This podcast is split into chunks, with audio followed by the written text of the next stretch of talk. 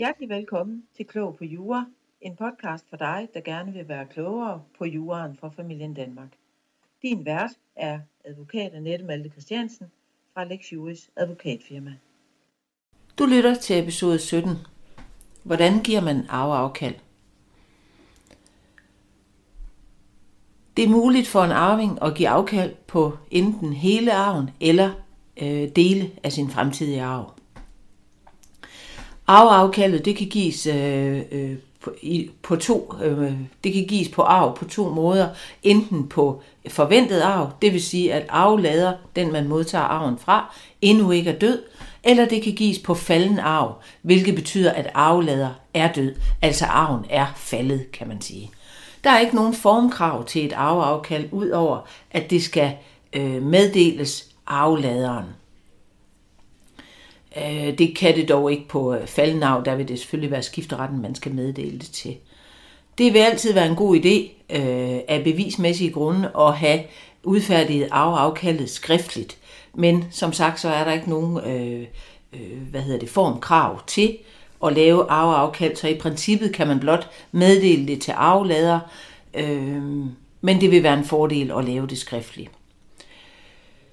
Der kan være mange grunde til, at man ønsker øh, et arveafkald, det, eller ønsker at give et arveafkald. Altså det, det, kan, det kan for eksempel være, at man har en stedforælder, som man ved, man øh, øh er testamentarisk arving efter, og det ønsker man ikke at være, fordi man ønsker umiddelbart ikke mere kontakt med den stedforælder. Altså det vil jo så betyde, måske ens egen forælder er død, og så har man stedforælderen tilbage, og den person har man måske ikke haft kontakt med længe, og derfor ønsker man ikke øh, at modtage nogen arv. Jamen så kan man dybest set øh, øh, lave et skriftligt arveafkald, som man selv skriver under på. Man får eventuelt også øh, arve... Øh, øh, arvelader til at skrive under, ikke, eller ikke eventuelt, men man får arvelader til at skrive under på det, og så kan man øh, gøre de øvrige arvinger opmærksom på, eller til sin tid gøre skiftretten opmærksom på, at der er altså det her arveafkald, og man skal ikke længere arve øh, arvelader, altså den afdøde. Med hensyn til kreditorer, så er det afgørende, hvilken type arveafkald der er tale om. Altså om der er tale om forventet arv, aflader eller den det handler om, er ikke afgået ved døden endnu, eller er der tale om øh, øh, falden arv, altså arvelader, den afdøde, er afgået ved døden.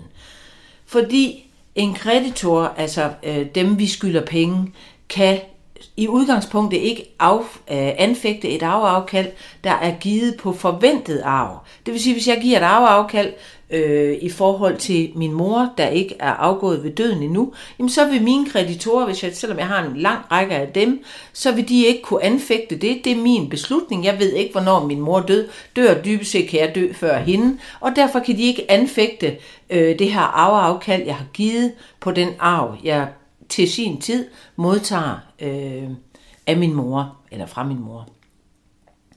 Anderledes ser det ud, hvis det er falden arv. Altså arven er faldet, min mor er afgået ved døden, og jeg står til at skulle have øh, den her million.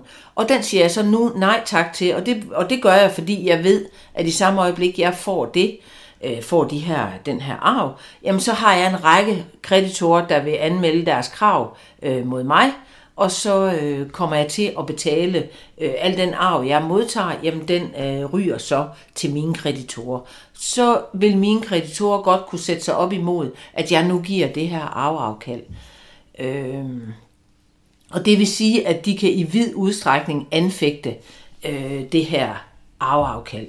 Som sagt, det vil de ikke kunne, hvis øh, den, man modtager arv fra, endnu ikke er død. Når man giver et arveafkald, så vil den arv, man skulle have modtaget øh, som alt overvejende hovedregel, gå til øh, de livsarvinger, man har. Det vil sige, hvis jeg giver et arveafkald øh, i forhold til min mor, jamen så vil den arv, som jeg giver afkald på at modtage, den vil øh, i udgangspunktet gå til mine livsarvinger. Øh, det vil for eksempel være sådan, hvis jeg præciserer i mit arveafkald, at det her arveafkald, det er personligt. Det vil sige, det er givet øh, for mig selv, og det gælder ikke mine livsarvinger. Øh, det er mig, der giver det her arveafkald. Har jeg nu ikke nogen livsarvinger, jamen så vil den del, jeg giver afkald på, den vil jo så i stedet for gå til øh, mine søskende, hvis jeg har øh, søskende, og ellers til de øvrige arvinger, der øh, måtte være i det her, øh, måtte være arvinger efter den afdøde. Det er vigtigt at være opmærksom på, at man ikke bør betinge det arveafkald, man giver, fordi det kan få betydning for, øh, for de livsarvinger, man har. Hvis jeg for eksempel giver et arveafkald over for min mor, øh, og betinger mit arveafkald af, at øh, mine børn de modtager arven efter mig, og den skal være deres særeje. Så de skal altså modtage arven direkte fra min mor, og den arv, de modtager, den skal være deres særeje. Jamen så er det lige pludselig at betragte som, at ikke nok med, at de modtager arv fra deres mormor, de øh, får faktisk også en gave af mig. Det vil sige, ud over at betale arveafgift fra deres mormor, så vil de nu også skulle betale en gaveafgift, fordi de har fået det her i gave af mig, at jeg har afstået min arv. Øh, så det vil sige, at man springer mig over. Øhm, og på den måde, så kommer man altså på sin vis til at betale dobbelt afgift. Fordi at øh, mine børn, de vil så komme til både at betale en arveafgift, og de vil komme til at betale bagefter en gaveafgift. Så det skal man altså passe på med. Man skal passe på med, at man får det formuleret øh, rigtigt. Man kan ikke på egen hånd tilbagekalde øh, arveafkaldet. Det er nødvendigt, at man har arvelader, altså den, den man giver afkaldet over for, øh, at man har den person med, øh, og også øh, er øh, hvad skal man sige, indstillet på at annullere arveafkaldet. Det vil for eksempel sige, at hvis jeg nu har en masse kreditorer, så jeg vil gerne give et arveafkald over for min mor, og det laver jeg så et personligt arveafkald, øh, hvorefter jeg ikke modtager arv øh, fra hende. Så har jeg så fået gjort op med alle mine kreditorer, jeg har fået betalt min gæld, og så vil jeg faktisk godt modtage min arv igen. Men nu er jeg så afhængig af, at min mor også er med på den. Hvis hun ikke er det, jamen så bliver jeg ved med at have givet et arveafkald. Jeg kan ikke selv beslutte, at sådan der, nu er vi klar til at starte på en frisk. Nu vil jeg gerne ind i arverækken igen. Det kan være, at der i mellemtiden er opstået et eller andet andet, sådan som min mor synes, det er en rigtig dårlig idé det kan selvfølgelig også være, at der ikke er, men man skal i hvert fald være klar over, at det ikke er noget, man selv kan beslutte på egen hånd. Man kan ikke selv øh, ensidigt tilbagekalde det arveafkald, man allerede har givet. Så derfor er det altså en rigtig god idé at tænke sig om, øh, inden man gør det. Det var, det, det var det, jeg ville runde omkring arveafkald og øh, en, en annullering af arveafkaldet, kan man sige. Tak fordi du lyttede med.